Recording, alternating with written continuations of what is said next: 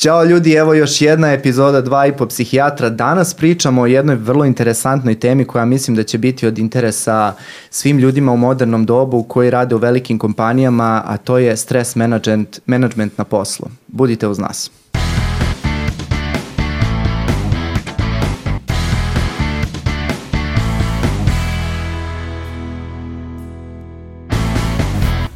Danas mi je ogromno zadovoljstvo što je sa nama Vladimir Borovnica, moj prvenstveno prijatelj, a i veliki stručnjak u ovoj oblasti o kojoj ćemo pričati danas. On je prvenstveno klinički psiholog i porodični psihoterapeut. Vlado, prvo da ti proželim dobrodošlicu, mnogo mi je drago da si ovde kod nas i ono, sad nam je to poslala tradicija, ako god nam dođe da pitamo prvo kako si, šta ima novo? Hvala puno na pozivu. Zvao si me pre, čini mi se, tri nedelje, znam mm. smo išli tad na put i oduševio sam se što si me zvao, zato što sam gledao ovaj podcast od kako se pojavio i potpuno sam fasciniran podcastom i stvarno mi je i čast i zadovoljstvo da sam tu. Kako sam? Super sam. Baš se radujem da vidim. Odlično. Da. E, to je, najbolji, po, to je najbolji početak podcasta, da ti kažem. Znači, obojica smo super. E, a, da te pitam, ovaj, je li imaš tremu? E, da, neverovatno li nemam? Stvarno? Stvarno neverovatno je zato što sad kako sam seo nemam, ali ceo jučerašnji dan i ceo dan od jutros se spremam za ovo. Ustao sam u sedam i tako prepešačio deseta kilometara sa slušalicama u ušima, slušajući razne stvari vezane za ovu temu, tako mm -hmm. da mi je jako važno da bude dobro mm -hmm. i u tom kontekstu sam imao tremu, ali ovog momenta kad sam seo, sada nema.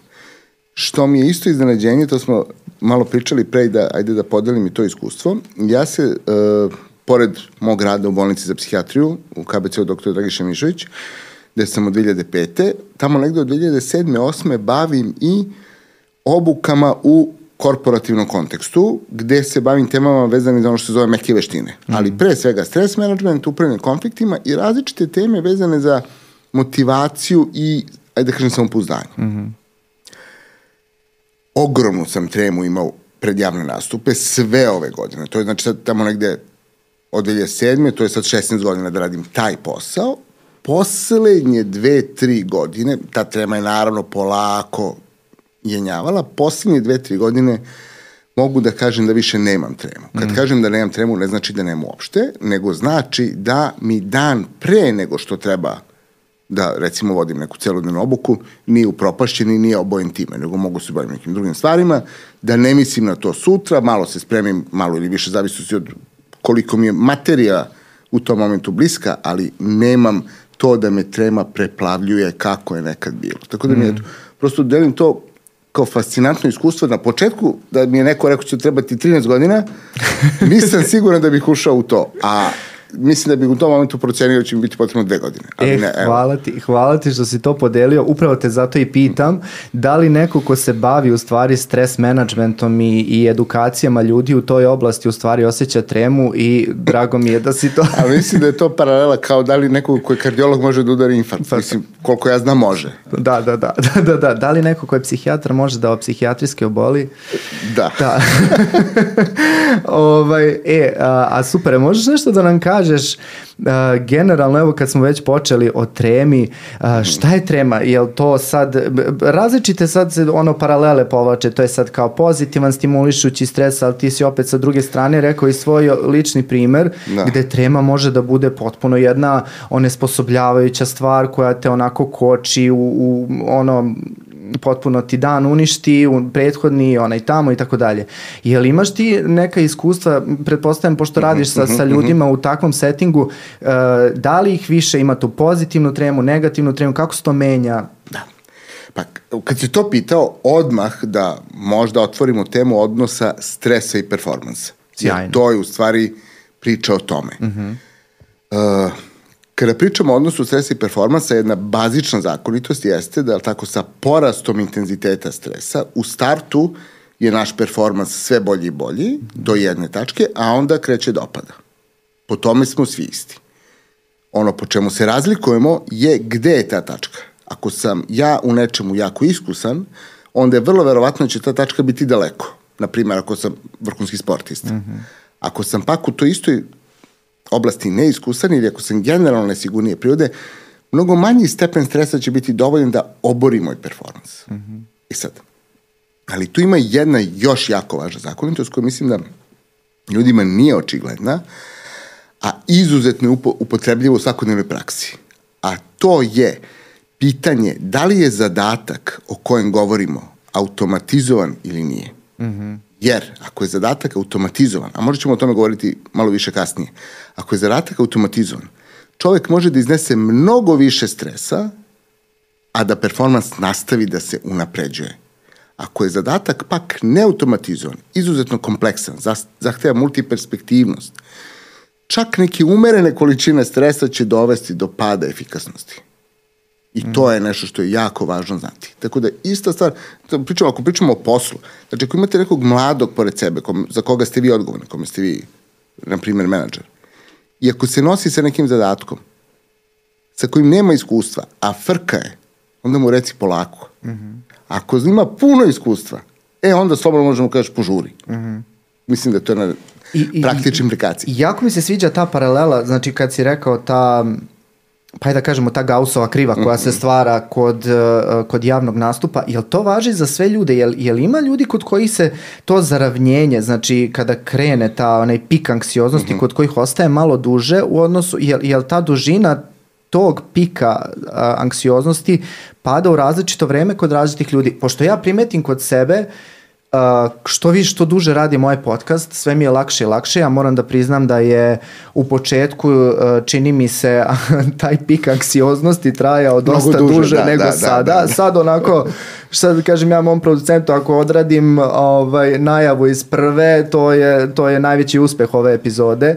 Uh, ali to je taj to je taj pik anksioznosti znači koji se javlja na samom početku i onda opada. Ali čini mi se da je ranije duže trajao, znači da mi je trebalo duže vremena da se ja onako umirim, da kažem sebi ajde nije strašno i da nastavim. Sasvim sigurno, da je mm -hmm. to mhm. putanja kojom se skraćuje. Mm -hmm. je tako da, mm -hmm. obično taj performance anxiety, tako, poraste pre nego što se to dešava. Mm -hmm. I onda kako krene, kako vidimo da smo ipak u kontroli nad situacijom, posebno je tu bitna i publika ako pričamo o, o tremi konkretno. Mm -hmm. Ako vidim da sam u kontaktu sa publikom, ako vidim da je publika prijateljski nastrojena, onda to polako ili brže krene da da pada i onda uđem u ono što se zove u povoljnom scenariju stanje flowa, to je sad dosta popularno, mm, tako? Mm. Znači jedno stanje u kojem sam potpuno fokusiran, bavim se zadatkom i nemam doživljaj te negativne neprijat, ne, tih neprijatnih aspekata stresa i malo sam izgubio kontekst tim kako vreme teče. Mm -hmm. Nego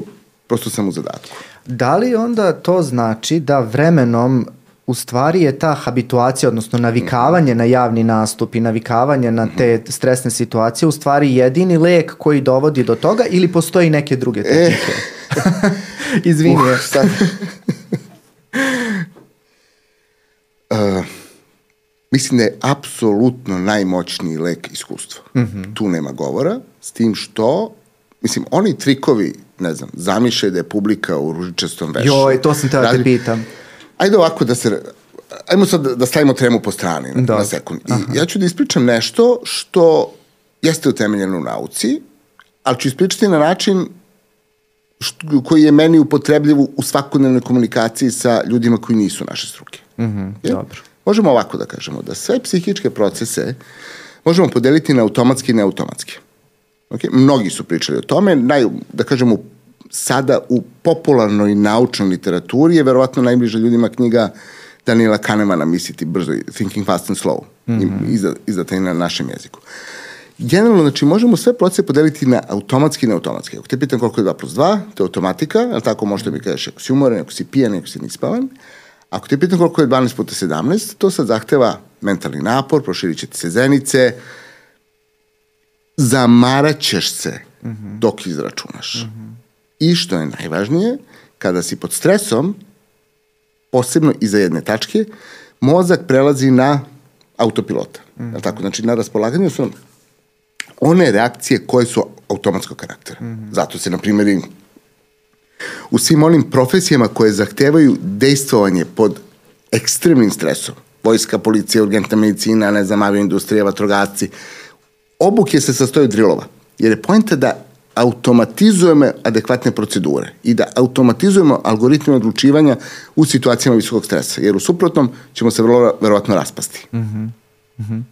Znači, E, aha. Reci. Ne, ne, ne, kaže, kaže, nastavi. I sad, zašto ovo pričam? Ovo pričam zato što kada govorimo o tremi, ja procenjujem da je situacija preteća. Mm -hmm. Ali ta procena je automatskog karaktera. Ta procena nije neautomatskog ka- karaktera. E sad ulazimo u polje medicine, ispravit ćeš me, ali ona se odvije na nivou limbičkog sistema, na nivou amigdala. Mm. Naš mozak, ovaj evolutivno noviji, prefrontalne regije, nemaju moć da kažu je to nije opasno. Mm.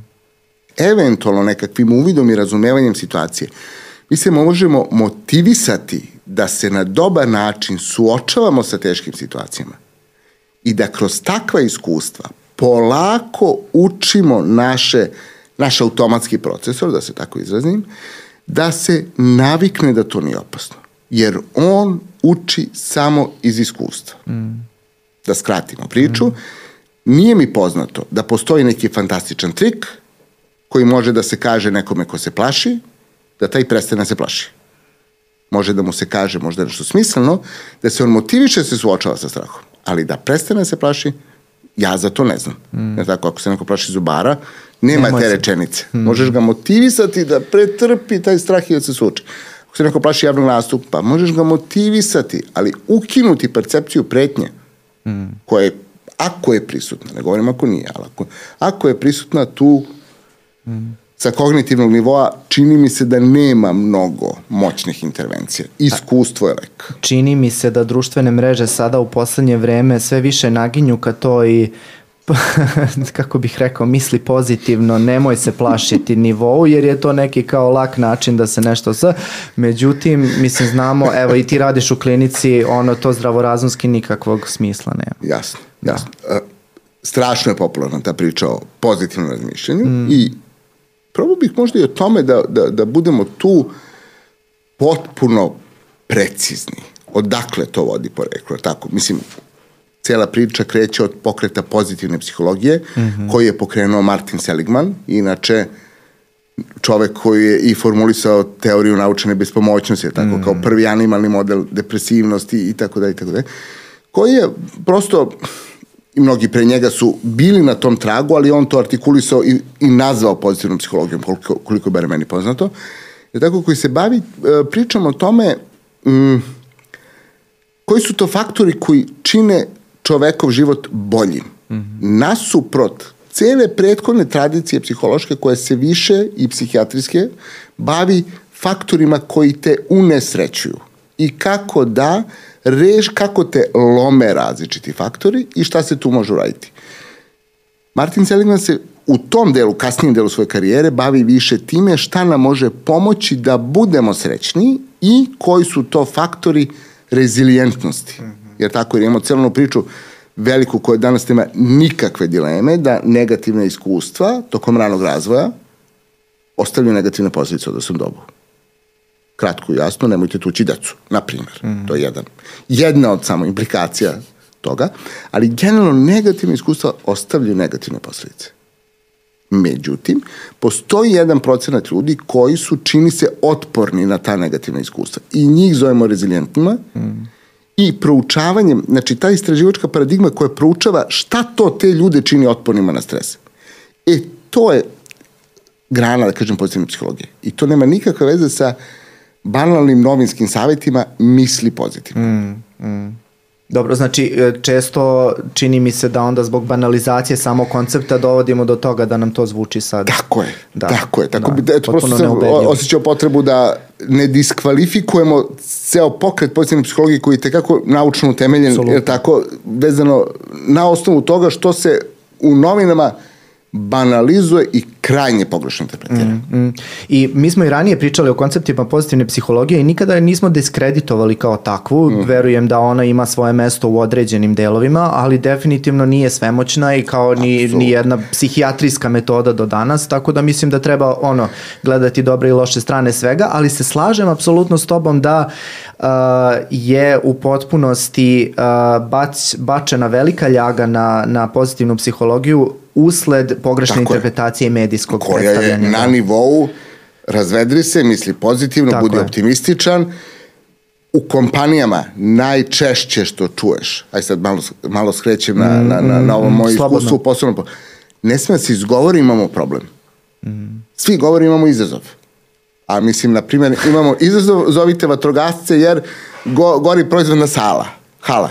Mislim, to je, i, onda ljudi naravno kada to čuju prevrću očima. Da. A prevrću očima zato što ako je pretnja, oko, problem koji imamo ozbiljan, nema kognitivne intervencije koji će činiti da ga vidimo kao šansu. Ono što ima šanse jeste da kultivišemo to da mislimo o tome kako se mi razvijemo baveći se raznim teškim situacijama. Mm -hmm.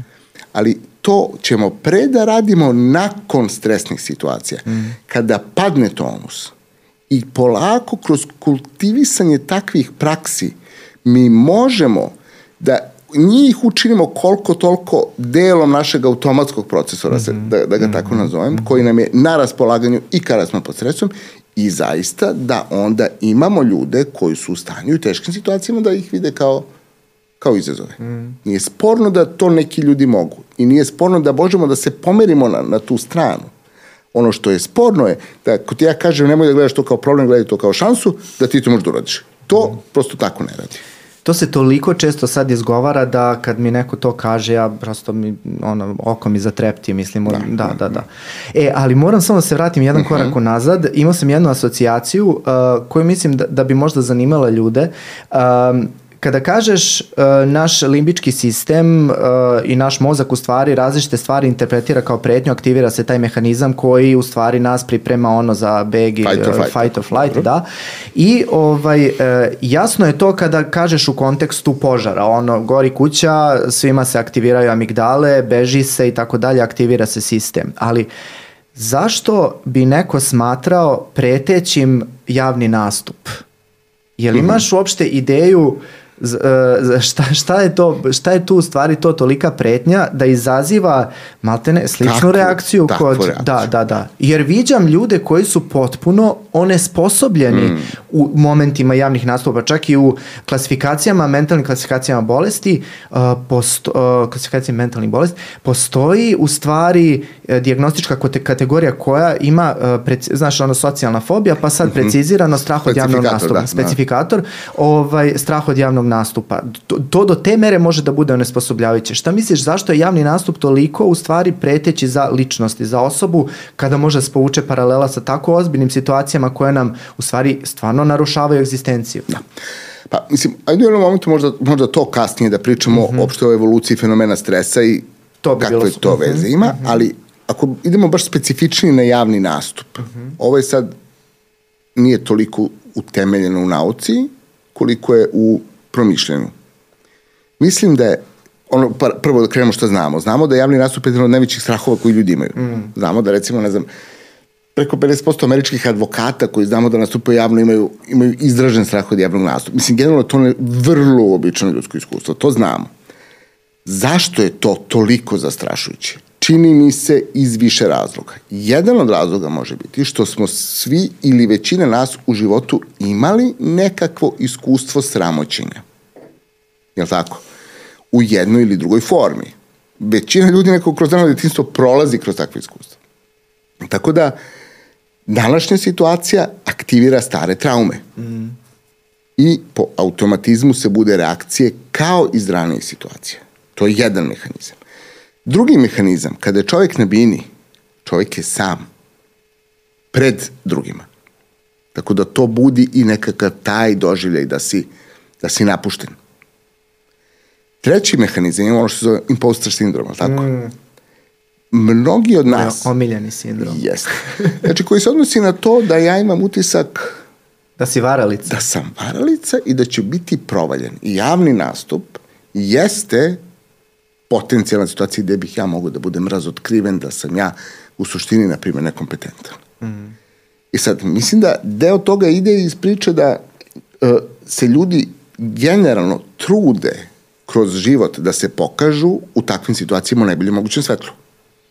Ja sam uve, evo recimo sada, ja se trudim da se pokažem u najboljem mogućem svetlu. Mm.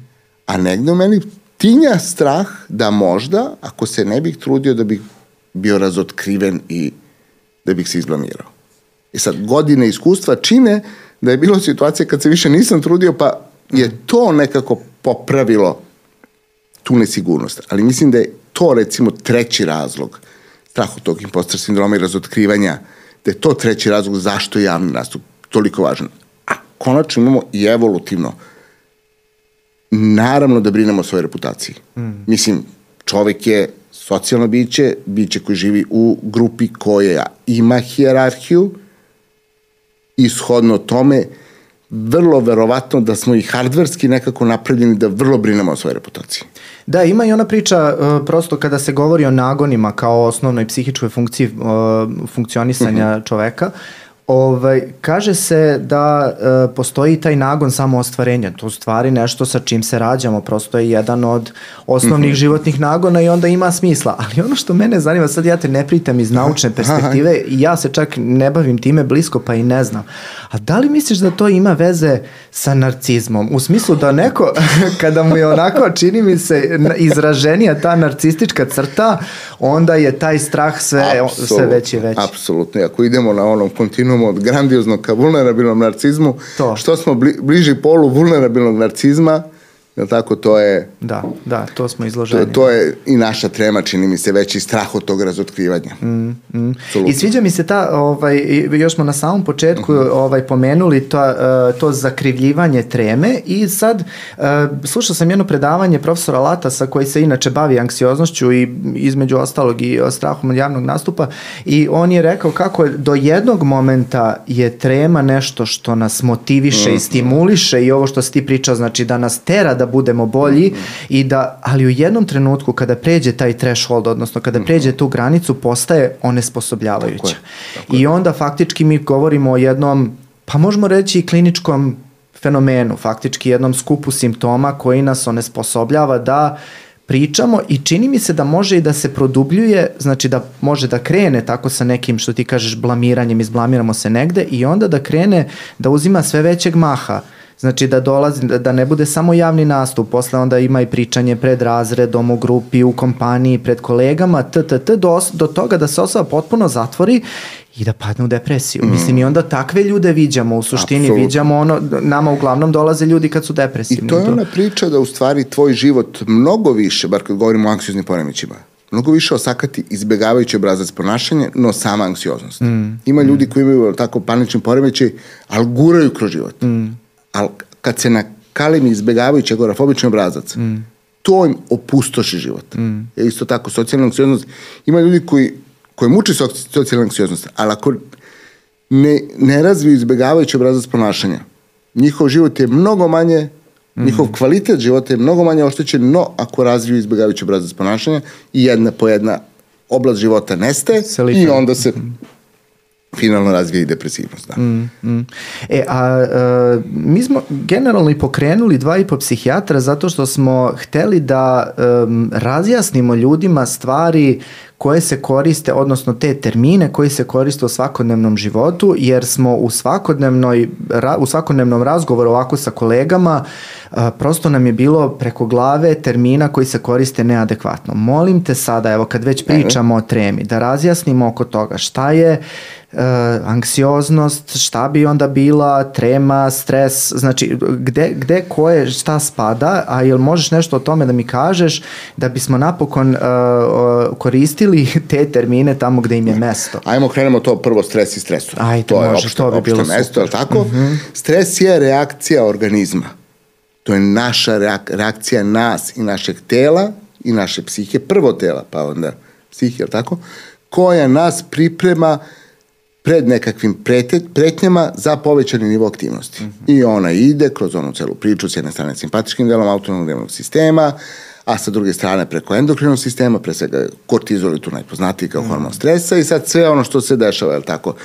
Skače krvni pritisak, šećer ide u krv, srce brže lupa, dublje se diše itd. itd. Znači, priprema nas. Tako je, priprema nas za faktički borbu ili beg. Mm. A stresor je ono što je izazvalo stres reakciju. Mm -hmm. To može biti, ako pričamo kroz evoluciju, je tako predator. Tako je. To je ono zebra kada vidi lava, lava je stresor, tako, u zebri se pokreće stres reakcija i onda zebra, zebra brže trči. Mm -hmm. I tu je sad ona priča gde je keč u stvari, kroz čitavu evoluciju, evoluciju života, ne mislim samo homo sapiensa od kad smo postali vrsta mi, evoluciju živog sveta, mm. tebe ubija predator.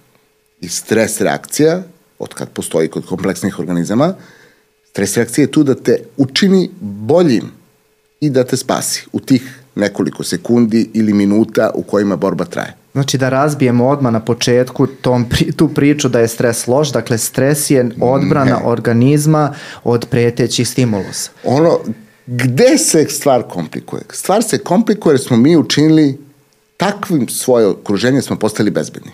Mm -hmm. Niko od nas ili velika većina od nas na poslu ne strahuje da će biti pojedeno. Mm -hmm. Je li tako?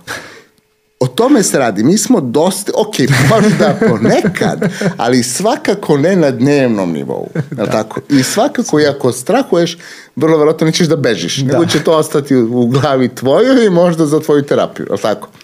Ali mi smo kreirali bezbedan kontekst. I to je moderno i u istorijskom smislu, mm. a kamoli u evolutivnom smislu. Je to strašno moderno. I danas smo došli do toga da smo u stvari izloženi vrlo često hroničnom stresu. Mm. Jer tako, ako pričamo o tome kako se možemo podeliti stres, pa jedno od podela imamo onaj kao pozitivan stres, to je taj umeren, imamo onaj koji možemo tolerisati, imamo onaj koji je toksičan. Na primjer, možemo ga podeliti, ne znam, na, na fizičke stresore i psihološke stresore. Možemo ga podeliti, ali za našu priču čini mi se najvažnije podela na akutni stres i hronični stres. Akutni stres je to je to. Voziš i neko ti izleti i ti zakočiš. Mm. I odjednom te ono, krene srce da lupa, kreću svi oni vegetativni simptomi. Mm. To je mm. akutni stres. Mm. U principu, akutni stres je neuporedivo manje opasan po zdravlje. Posebno ako je čovek zdrav. Druga je priča ako neko ima, ne znam, aneurizmu, pa, pa pukne, tako, mm. pa pukne, ali ne, ne nagriza zdravlje, suštinski. Mm. Hroničan stres je onaj koji kada dugo traje, za koji mi u suštini evolutivno uopšte nismo pripremljeni. Mi nemamo iz, u evoluciji iskustvo da sedimo kod kuće i mislimo koliko nas nervira šef. Mm. I šta bi mu ja danas rekao da sam mogo. I onda sutra opet i opet i opet. E, to je moderno za čoveka. Mm. A naše telo reaguje na to kao da je fizički ugroženo. I sad to je cela ta medicinska priča kako hronično povišene nivoj kortizola, šta sve dovode na nivo organizma, od kardiovaskularnog sistema, tako, reproduktivnog, imunog sistema, kako utiču, menjaju imunni odgovor, itd. itd. I to je ono što ugrožava zdravlje. Znači mi smo faktički zadržali isti adaptivni mehanizam kao naši preci, samo ga sada nekako drugačije Tako je. Mi nemamo voljnu kontrolu nad tim kako ćemo ga primenjivati. Tako Ajde, opet da vratimo. To. Mi nemamo voljnu kontrolu i on se pali u situacijama za koje uopšte nije dizajniran. Mm. Tačnije, mi smo kreirali kontekst za koji nismo dizajnirani. Mm. Evolucija nas nije dizajnirala za potpunu bezbednost mm. i kalorijsko izobilje. I to su problemi savremenog čoveka. Da. Vlado, jako mi je drago da pričamo o ovome, a čini mi se nikad bolji trenutak, jer generalno sada u svetu vlada taj ogroman pritisak za hiperproduktivnošću. Znači, to je sada nekako možda najveća priča kako ovaj... E, kako nam zapadni svet sve više i više dolazi, nameće taj ideal hiperproduktivnosti. Čini mi se da neki ljudi smatraju, pa između njih možda nekada i ja, da je uh, nedostatak produktivnosti se automatski označava kao na to da ja nisam do, dovoljno dobar sa jedne strane, a sa druge strane uzimanje odmora i um, uh, uh, uzimanje nekog, da kažem, bolovanja i tako dalje se smatra slabošću. I to je nešto što, ono što nam je nametnuto od strane modernog sveta i kako uopšte se, se nositi sa tim. Ja sam sad otvorio hiljadu jednu temu, izvini na tome, ali sam jako inspirisan mm -hmm. ovim što pričaš. Jel imaš uh, ne, neko razmišljanje o tome, da, jel se to stvarno dešava ili je to neki moj subjektivni utisak? Jer ove moderne firme, mislim koliko god sad kao donose taj stress relief moment, ništa se ne menja. No, mnogo tema. I jo, imam... izvini, molim te. ne, ne, naproti, ajde samo da, jednu pernu, samo da razmislim koji, Ko, uh, Aj, krenemo ovog modernog sveta. Znači, ne, svet, Da, da. Uh, kako ja gledam mod, na moderan svet? To me tek je zanima. ovo lično, tek je ovo lično viđenje, jel tako? Ali uh, o, postoji konkurencija, jel tako? Mhm. Kapitalizam, konkurencija, slobodno tržište i to je sila koja nas sve gura u overload. Mhm. Ako nemaš neke druge sile koje će tome da se suprotstave, i onda će se javiti burnout kao sila koja se tome suprotstavlja. Je li tako? Znači, dokle god imamo neobuzdanu kompeticiju, to nas tera u overload i nema kraja. Pitanje je šta može se suprotstavi. Mm. Jedna stvar koja se može suprotstaviti su nekakve državne politike. I u onim zemljama koje su u tome jače, nekako i znamo da se i manje radi, da je bolji taj čuveni work-life balance mm. i tako dalje. Međutim, mm, postoje tu još možda neke sile koje mogu da, mogu da se suprostave. Čak i sa stanovišta, čini mi se, kapitala, postoji ideja da dugoročno takva politika može da bude više manje održiva, aj tako da kažem. Tako da i to nekada može da bude sila koja može da obuzda, ali mislim da je ona vrlo tanana. I druga sila koja može da obuzda jeste naša interna, a koja je potreba za blisko, bliskošću i odnosima. Jer to je nešto što može da nas odvuče od neograničene kompeticije.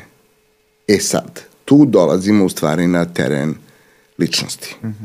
I na teren toga šta su kroz razvoj postale naše adaptivne strategije kojima kreiramo doživljaj bezbednosti, pripadanja, lične vrednosti. Nekim ljudima, a posebno onima, mislim, tako, koji su nešto ostvareni u karijeri, je vrlo verovatno da im je bitna strategija bila rad.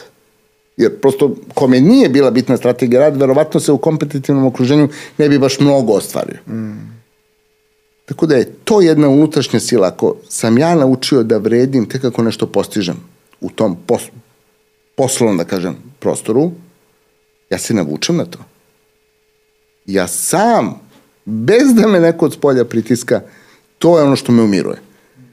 U suprotnom se javlja, to je sad isto popularan termin, onaj fear of missing out.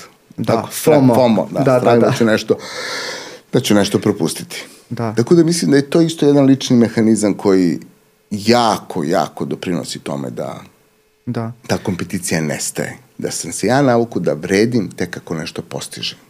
To ima sad vezi sa narcizmom. I, mislim, to možemo iz najrazličitijih pojmovnih okvira da gledamo na to, ali mislim da, da gledamo u isti fenomen. Da, da, da. A reci mi kada gledamo evo ove uh, priče, uh, na konto ove priče streso, streso na poslu, zbog kojeg sam te između ostalog izvao, nekako smo sk- skrenuli smo malo s teme na početku, ali uh, koji je, naj, eto kad radiš sa tim ljudima, koji je najveći stresor za ljude u korporativnom svetu? Gde god uđeš, u koju god kompaniju, odgovori, ja krećem sa tim pitanjem i odgovor je uvek isti. I to je ono što dobijamo ljudima. Ne mogu ni da naslutim šta ćeš da mi kažeš. Overload, Aha. puno posla, dobro to da. rokovi, targeti, to je prvo polje. Drugo polje, koje mm, nekad kažu odmah, a nekad moraš malo da, Da stimuliš, to su u stvari međuljudski odnosi. Mm -hmm. I kad, mislim, kada zagrebeš, onda vidiš da iza, pun, iza velike količine onih prethodnih izvora stresa stoje međuljudski odnosi. Ali to je redosled. Znači, overload, targeti, rokovi. To sve stavljam u jedan, jedan. klaster. Mm -hmm. Iza toga su međuljudski odnosi i treći je izostanak work-life balansa. To je ono što je. I onda ide kao potencijalno nesigurnost posla, što je visoko variabilno. To strašno zavisi od toga gde uđeš. Ali ove tri stvari ne zavise. Svuda. To je svuda tako. Razlikuje se, čini mi se, količina toga. Ali redosled je uvijek isti i ti ili isto ja nek slikam te pišem te, na, na flip chartu ima što ljudi govore i slikam i oni su uvijek isti. Uz po neku specifičnost, tipa ako govorimo recimo o fabrikama, mm -hmm. tu je onda neki perfekcionizam posebno važan. Tu svaki zastoj strašno puno štete pravi. Tako. Malo ima tih nekih stilskih razlika. zavisnosti od okruženja, Tako je, da, da, ali da. to je redosled. Količina, po, znači prvo je ono što ide iz, sve se nadovezuje jedno na drugo. Kompeticija, tržište, to pravi overload, overload pravi zategnute odnose, to nateže da ne ostaje prostora za privatni život. I to je to. To je, to je opšte mesto. eksplodirat će mi mozak od ovoga. znači, fe, fenomenalno, molim te, jel možemo jedno po jedno da prođemo? Znači, uh, sve me interesuje. Znači, tell me everything, znaš. Molim te, reci mi što se tiče, uh, ja ne znam da vas, možda sam se u svemu ovome prepoznao, ali uh, reci mi ovo za rokove i norme. Mm -hmm. Pošto je to nešto što je prisutno i kod nas i sa Naravno. tim se ovaj, naj, dosta i susrećem u svakodnevnom životu i sa ljudima sa kojima se družim. Uh, a, tu to nekako mogu da stavim na bro, broj jedan kao jedan naj, od najvećih, jel? Ovaj, kako on, kako, u, u kom smislu utiču, ovaj, previše ih je, šta? Previše im se previše nameće? Ih je, previše ih je, kratki su i nema stajanja. Mislim da je to najvažnije. Aha baš za zdravlje. Tako, mm -hmm. pojenta je da se taj alarm stres reakcije ugasi povremeno. To nas regeneriše. Problem je što nema stajanja. Mm. Tu je nekako To je najteža stvar u svemu tome. I stalno to, imamo još ono tako tipa ličnost iz psihosomatike, ubrzana, ambiciozna, hostilna, mm, mm. gde su stalno u tom režimu. Mm. Stalno u tom režimu. To je broj jedan. A to kod kažeš nema stajanja, ja pretpostavljam na šta misliš, a jel, jel se na to odnosi i sad ovaj moment, sad pošto smo pričali uh -huh. o modernom svetu, ti odeš na odmor i evo ja na odmor svoj nosiš laptop, nosim laptop, otvaraš mail svaki dan, tako je. odgovaraš, ne možeš da staneš da misliš. Evo ga i sat i tako imamo tako, sve, tako, da, tako, da, da, samo mi još Google Glasses on fale da vidim sve mailove. Ja ću sad napraviti paralelu sa nečem što je moja lična muka, sa kalorijskim izobiljem. mislim da mi nismo, evo, došli, mislim, to je strašno moderno, je tako? U našoj generaciji baba i deda nema debelih. Mm. Ili, mislim, jedan u sto. A, prosto mi treba da razvijemo veštine za to. Jer nismo preprogramirani za to. To je nešto čime moramo da ovladamo. Kako da prestanemo da mislimo? Mislim da je to ozbiljan zadatak i ozbiljno, pa, pazi, ima ljudi kojima to nije bitno, ko, ko nije investiran u to. I onda mu je lako da ne misli kada ne mm, odmor. Mm. Ne pričamo o tome, pričamo o tome ako ti jeste bitno. Kako onda da prestaneš? Ka, kako? Šta je? E, uh. Aj reci mi, molim te, jer ja ne mogu, no, ne znam da li sam otišao na odmor u životu i ja uvek odlučim kao, da. ok, nema laptopa, ne nosim ništa, ne otvaram mailove, ma đavo, mislim, to ne prođe 24 sata. Ja... A kako razumeš, sad se pitam, kako razumeš to, tu adikciju od razmišljanja? Sad sam malo ja implicirao odgovor.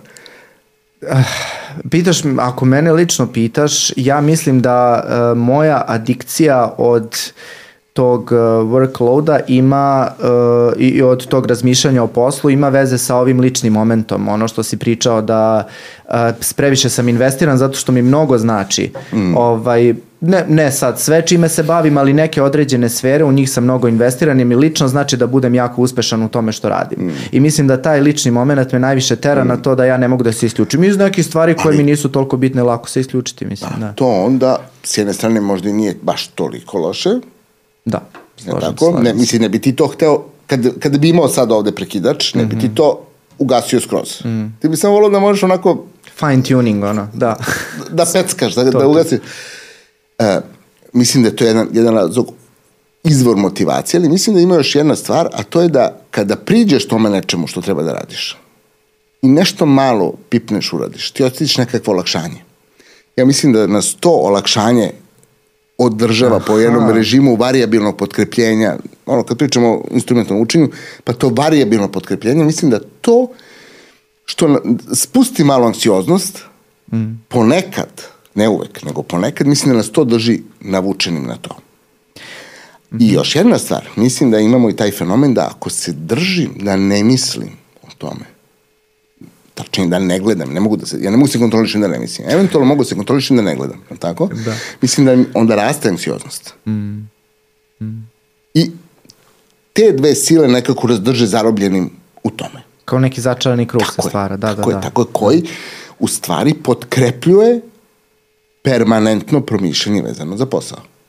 I sad, ako hoćeš toga da se oslobodiš, mislim to je jedan o, ozbiljan zadatak i ozbiljna veština, i mislim da je tu, sad opet ću napraviti jednu ekskurziju. Ispričat ću nešto što redovno pričam kada, kada radim po kompanijama, mm -hmm. mislim da to ljudi, posebno koji nisu iz naše struke, ne znaju, a mislim da je strašno važno. A to je vezano za prevazilaženje strahova. Okay? Svi znamo da se strahovi ili tako održavaju posredstvo mehanizma izbjegavanja, plašiš se lifta, priđeš liftu, kažeš iću peške, uf, znači ja to spadnu. Okay? I tada i plašiš se pasa. Pre...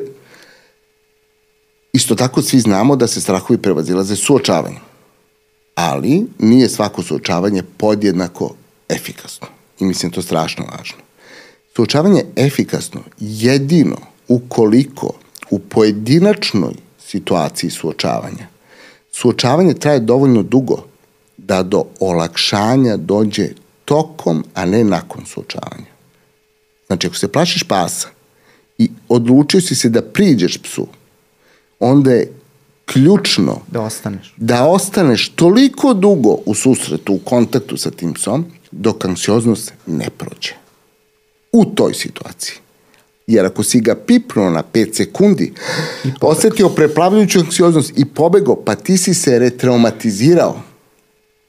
To je nešto što po mom iskustvu ljudi masovno, barem oni koji nisu iz našeg posla, ne znaju tu zakonitost. Mm -hmm. ne, bar ne umeju da artikulišu kada ih pitam i da postavljam zadatke vezane za to.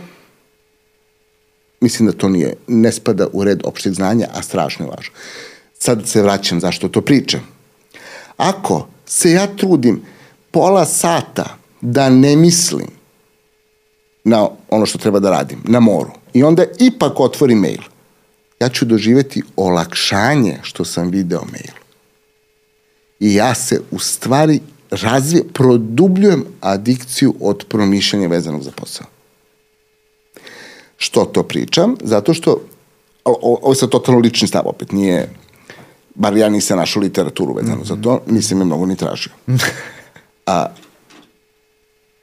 verujem da ukoliko hoćeš da se oslobodiš te adikcije, da ti onda moraš da sebi definišeš male prozore u kojima nećeš da gledaš. Mm -hmm. Ali da ne budu oni odraz kolebanja, hoću, neću, ja, da li još... Ne, nego da, na primer, neću da gledam, ako ne možeš mnogo da izdržiš, kažeš neću gledam pola sata, neću gledam u ovom terminu. I onda u tom terminu stvarno radiš nešto drugo makoliko te močila anksioznost, ali da ne bude odraz, mm, pogledat ću ipak, nego prosto kada je prošlo vreme, e sad mogu da pogledam. Mm -hmm. Mislim da takvim nekakvim programom, da to je sad jedna veština, treba da ovladaš i da se istreniraš da se ne vraća stalno u posao. Mm. I mislim da to prosto životno postignuće da kroz godine možeš da se naučiš da ako si od onih kojima je posao temelj identiteta, dožive vrednosti, da je to način da se naučiš da se ne vraćaš tome prečesto. I drugi način jeste da se izložiš nekakvoj vrsti stimulacije koja je dovoljno intenzivna da tvoju automatsku pažnju usmeri u tom pravcu, a da ne, ona ne ode putem ruminacija. Mm. Naprimer, da ideš lupam. Zamislimo da je to jedrenje. Znači, tu prosto ima toliko dešavanja koje su intenzivna i koja ti odvlače pažnju. Odeš na skijanje. Mm. Dešavanja koje su intenzivne odvlače ti pažnju tako. Znači, tim nekim menadžmentom okruženja. Ovo je menadžment sebe i sobstvenog ponašanja, a ovo je menadžment okruženja. Mislim da su to manevri koji mogu pomoći da da ne budem preplavljen poslom tokom godišnjeg odmora. Drago mi je da si to rekao i mislim i mene si lično motivisao da sad nešto probam jer obično kada pričaš uh, i kada tražiš malo o, vezano za te o, life coaching vezano na poslu i tako dalje, oni svi uglavnom kao nisu to sad neki uopšteni saveti, ali otprilike kao, ok, nemojte gledati, kao nemoj da nosiš laptop na majde, mislim, Jeste, vežu, nemoj da se plašiš zubara i nemoj pa, da, da, kako se, mislim, Nema šanse. Mislim, odmah odustanem u startu. Međutim, čini mi se da se i mene motivisao sada sa tim kratkim periodima koji pretpostavljam da će se vremenom moći sve više Ali je produžavati. Poenta, mislim da je ključna reč ovde kolebanje. Mm -hmm. Jer samo kolebanje, zamisli da se plašiš da uđeš u vodu. Na primjer, da si istrumirao kod dete, davio si se i eto tebe napunio 30 ne znam koliko godina i da je ne, ne znaš da plivaš i plašiš se vode. I gledaš more, hoću vodu, neću vodu. I sad dokle god se ti u hoću neću, kad god kažeš hoću, tvoja anksioznost poraste. Kad kažeš ma ipak neću, ona padne. Mm. To su mikrokolebanja i interne retraumatizacije na, na, na nivou imaginacije. Mm. Mislim da je ključno da se izbegne kolebanje, da toga nema. A da bi izbegao kolebanje, ti moraš da imaš algoritam situacija kojima ćeš se izlagati. Da tačno znaš kojim redom ćeš u njih ići. Mm -hmm. I da li u njih ulaziš ili ne. Da ta odluka ne bude odraz mog hoću, neću, nego da ona bude nešto što je deo nekakvog plana koji si osmislio. Mm. I da budu mali koraci. Mm. Ali mali u smislu malo strašni, a da traju. Da se adaptiraš ali će da gori Grčka ove godine.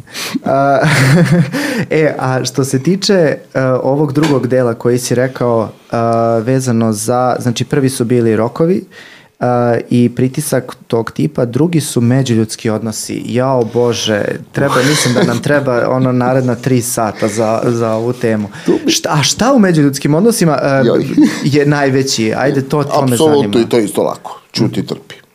Mm -hmm. To je, to je potpuni broj jedan. Mm. Šta je tu, nema dileme. I tu bih se osvrnuo na čuvenu priču o menadžerskom stresu, mm -hmm. tako? Imaš čak i nekim privatnim klinikama, vidim, pre, sistematski pregled za menadžere. ne znam da si privatio to. Ne. Ima, ima, ima. taj, Oni su baš izmuzli tu kravu, znaš, ono... Neko to čini mi se super smislio. Fali za lidere. To će za lidere, za lidere, za lidere jeste, to je još skuplje. jeste, jeste, jeste, da, da, da, sjajno. To je još skuplje, ali... A... Pa, pazi kako ti kažem, em, em se opariš, em ti lep, mislim kako ti kažem, ono, pro, znaš, imaš i definitivno ono Ima, i dijagnozu, koncept, sve, sve, imaš, super, da, da. da. Aha. I opšte puna usta, menadžerski stres i tako dalje. E sad, istraživanja, iako je taj fenomen jako kompleksan, ja ću se osvrnuti na dva dve čuvene studije, vezane za to, sad aj malo da, mm -hmm. da idemo u pravcu nauke, mm -hmm. koje se tiču uh, očekivanog životnog veka, na primjer, ili stresa u drugoj studiji, a i so, social rank, znači so, socijalnog ranka, gde si ti. Čuvena prva je Whitehall studija, britanska. Whitehall je da, kvart ili ulica u Londonu, gde je državna uprava njihova.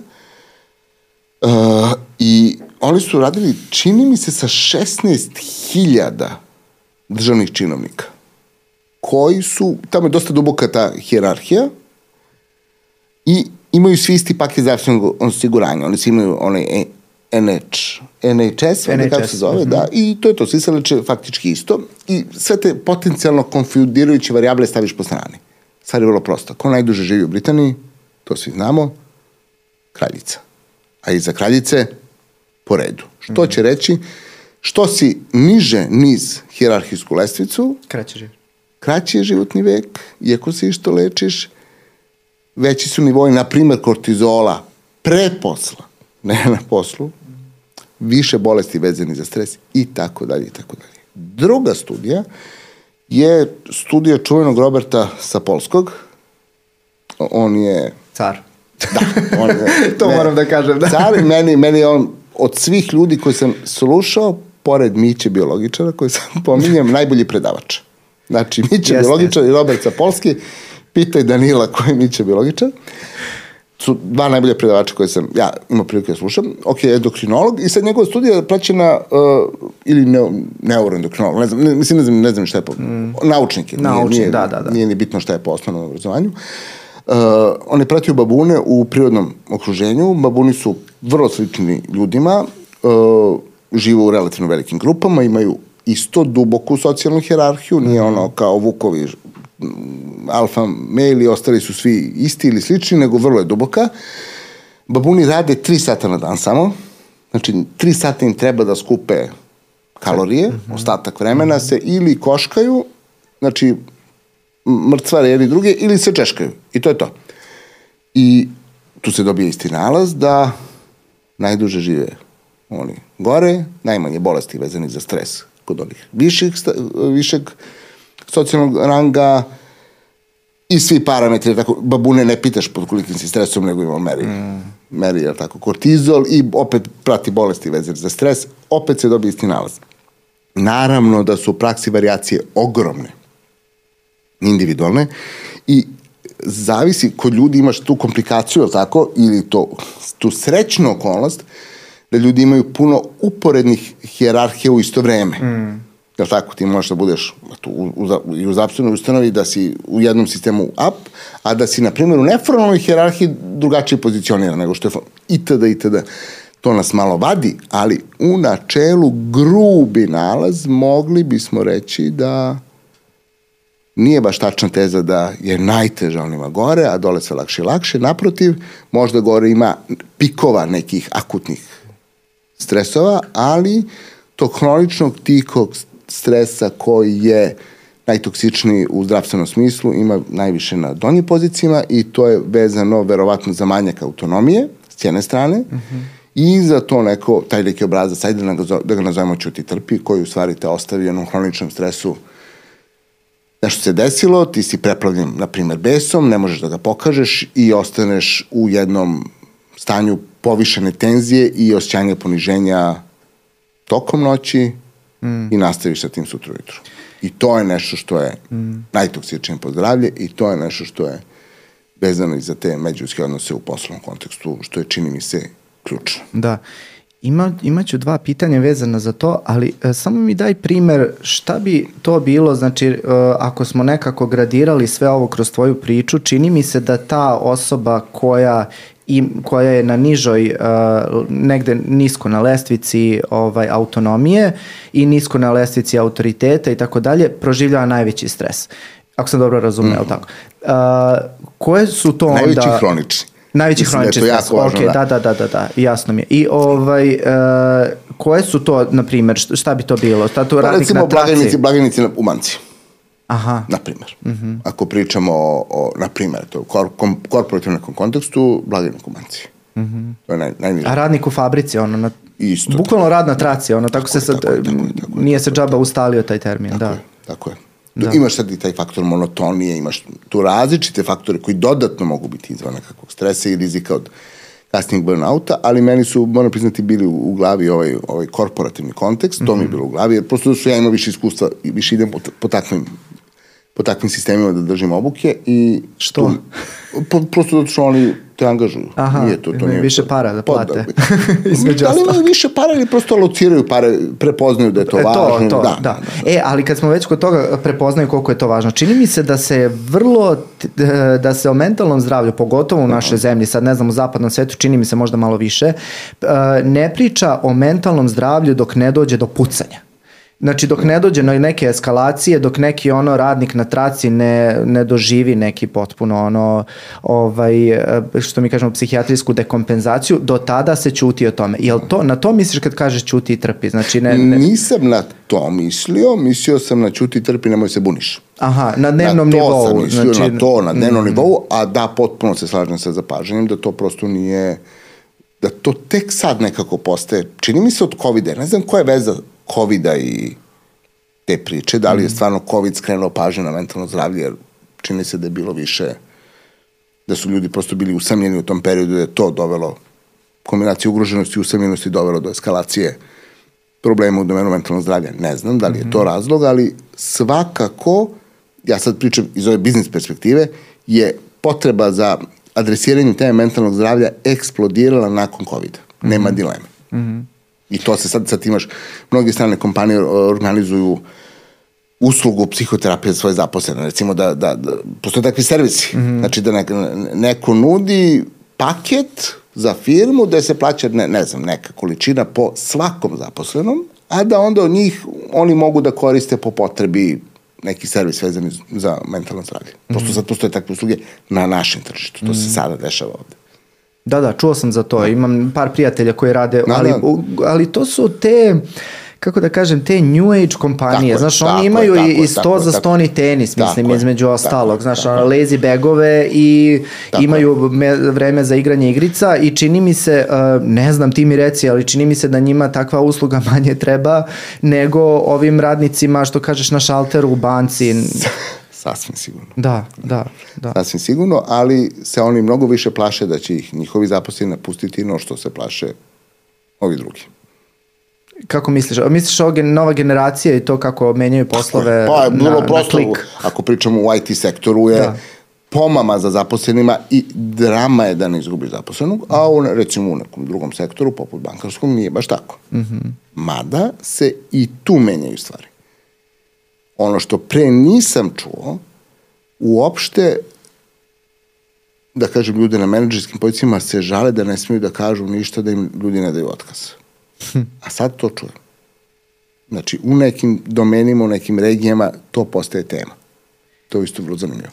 Mislim, što je, eto, I meni ima nekako logično smisla, to zavisi od potražnje posla. Apsolutno, znači, ma naravno. Da, da, i jasno mi je Naravno. zašto se to dešava u IT sektoru. A da li ima, znaš, ono... Ali ima još nešto što, što bi podelio, što mi je, Ajde. a, ako adekvatno pristupiš, znaš, imao sam prilike da odem da pričam o rezilijentnosti, sad neću, neću govoriti koje su to kompanije u pitanju, ali ljudima koji su osnovnog obrazovanja i koji su, da kažem, smenovođe fizičkim radnicima, koji su i sami bili fizički radnici, samo dok nisu postali Menadžeri. Da. Tako je. Ono, da dođeš negde da držiš predavanje na tu temu, da su svi u radničkim modelima sa šlemovima. Mislim, Pričaš o rezilijentnosti. tako da, je. Vrlo je onako, za mene je to prvi put kad mi se desilo bilo, doživao sam stres. Sam bio fazonu, uh, kako ćemo da ispravimo ovaj dan, to recimo ceo dan, i ako priđeš na pravi način, znači, a moraš jako da vodiš računa da ne pričaš šuplje priče, nego da ono što pričaš, Da to bude konkretno. Ljudi mogu, mogu to povežu sa svojim iskustvom.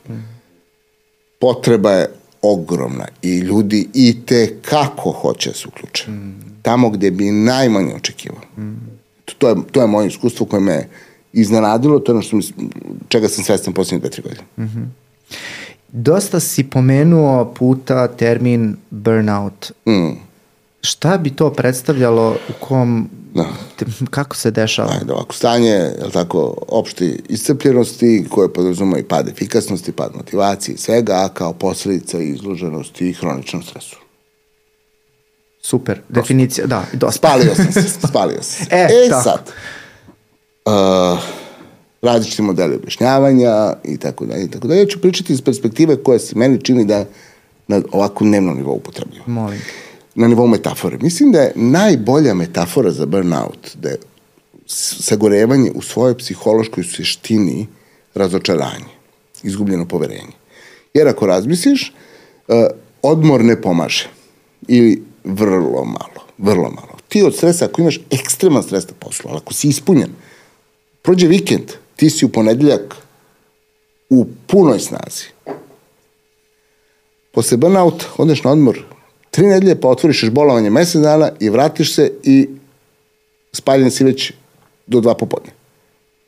Mislim da je u svojoj psihološkoj suštini burnout razočaranje bilo u šefa, bilo u kompaniju, ali može biti i u kolegi, u druge ljude, može biti u sebe, može biti u, u Boga, u kosmos, u pravdu, u ljudski rod, u, u šta god, ali da je to u suštini narušeno poverenje. I tu treba adresirati na taj način. Svi znamo da poverenje kad se naruši se jako teško popravlja, to je jedna stvar. Tako da je mnogo bolje sprečiti nego lečiti. Druga stvar kada govorimo o burnoutu, koja je strašno važna, jeste uh, da se on dešava u tišini, da se ljudi obično bune pre nego što stvarno je grubo kreće da se ugrožava poverenje. I treća stvar, zašto je burnout toliko važan, što se gorevaju najbolji. Ja sam spravio neformalnu anketu gde god dođe i pričam o burnoutu, pitam ljude jeste videli nekada neradnika da je dao otkaz. I jako redko ljudi kažu da, videli smo uvek odeo tako u stvari onaj koji je, onaj koji je najbolji. I u odnosu na to, mislim da je jako važno, sad pričam za ovo što govorim, za ljude koji su, da kažem, nekakvim liderskim rukovodećim pozicijama. Mislim da je strašno važno imati na umu ova svojstva i ove aspekte vezane za burnout. Znači da je u pitanju gubitak poverenja, da se dešava u tišini. Tako da je prva stvar kada pričamo o adresiranju burnouta je da pričamo, tačnije da pitamo, pitamo, pitamo šta se dešava. Druga stvar, što je lako, da. tako, treba, treba primiti negativnu energiju. Druga stvar, koju mislim da prosto treba izgovoriti, e, svi znamo da je bolje biti fair šef nego ne fair, tako? To je, to je na nivou banalnosti, ali ono što isto tako tačno je da nema šanse da čovjek bude na nekoj rukovodećoj poziciji i da sve vreme bude fair. To prosto nije moguće iz vrlo jednostavnog razloga, zato što imamo različite etičke principe, različ- različite vrednosti i mnoge konkretne situacije ih dovode u kontradikciju. Mm. Ti možeš raditi ili A ili B i šta god uradio, bit ćeš nefer prema nekome. Uzmemo za primjer, ajde da kažem nešto jednostavno, COVID, krećemo da radimo od kuće, ja imam u timu, na primjer, dve devojke ili žene, kako god, do 30 godina, jedna je single i ima dvoje dece, na primjer, razvedena ima dvoje dece, a druga je single. I koga ću više da opteretim poslom, naravno ovu koji je single, da li je to fair, pa naravno da nije. Da ih opteretim isto, da li je to fair, pa naravno da nije to. Mislim, nema tačnog rešenja. Nema tačno. Mhm. I hiljadu situacija takvih gde nema tačnog rešenja. Ono što je bitno jeste kada krene nezadovoljstvo. I to će sad krenuti u formi ataka na mene. Nekakve vrste hejta prema meni. Je li tako? Najlakše i ono što je automatizam, ako sam ja u poziciji up, hjerarhijskoj, i dobijem negativnu energiju usmerenu prema sebi, je da učutkam tu osobu. To će se najlakše, to će se desiti bez razmišljanja. E, to je problem. Mm. To je tačka u kojoj je ključno da mogu da validiram, da uvažim, da se izvinim, ako sam u mogućnosti da korigujem ponašanje, ako nisam u mogućnosti, onda da kažem da nisam u mogućnosti, pošteno, da makar očuvam tu komponentu poverenja da govorim istinu. Što uopšte nije zanemarljivo. I konačno, ako sam prinuđen da zaustavim komunikaciju, nekad čovjek koji vodi neki sistem mora da zaustavi komunikaciju i stvari da teku dalje. I ako sam ja stavio temu po tepih, onda je presudno da ja izvadim sutra.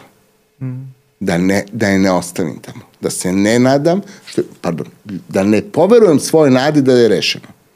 Ljudski je nadati se da je problem rešen, ali da znam da nije i da, da izvadim. Mislim da su to mere koje se sa nekakve liderske pozicije mogu preduzeti da se kontroliše rizik od burnouta. Mm.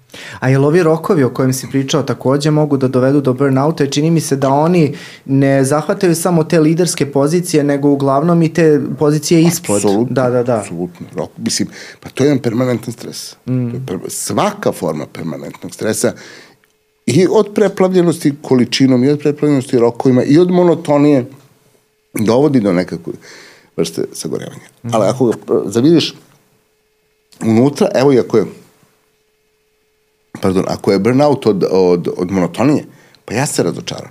Ja sam mislio da mogu da pronađem smisao ovom poslu, ali ja ne mogu da nađem smisao ovom poslu. Mm -hmm. I to je. Mm. Nešto što... I super si nam dao savete kako da predupredimo da ne dođe do burnouta, ali ne znam koliko su ljudi uh, svesni u kom trenutku treba da počnu da primenjuju neke tehnike i uglavnom se o burnoutu priča kada do burnouta mm. dođe, nažalost. I evo, recimo da sad neko gleda ovaj podcast i da prepozna da je u burnoutu, evo, pošto izlazi nedeljom, sutra ode na posao i primeti da do, znači, od dolaska na posao, ne znam, od 7.05 i već je, mu je dosta, hoće da ide kući, ne može više, šta da uradi, jel on treba da se obrati sada nekom stručnom licu, da li treba da uzme odmor, da li treba da uzme bolovanje, šta, šta da radi? Uh, mislim da je pitanje... Izvini, stvarno ne, ne, jeste nezahvalno, ali... Uh, uh, sve. Znači...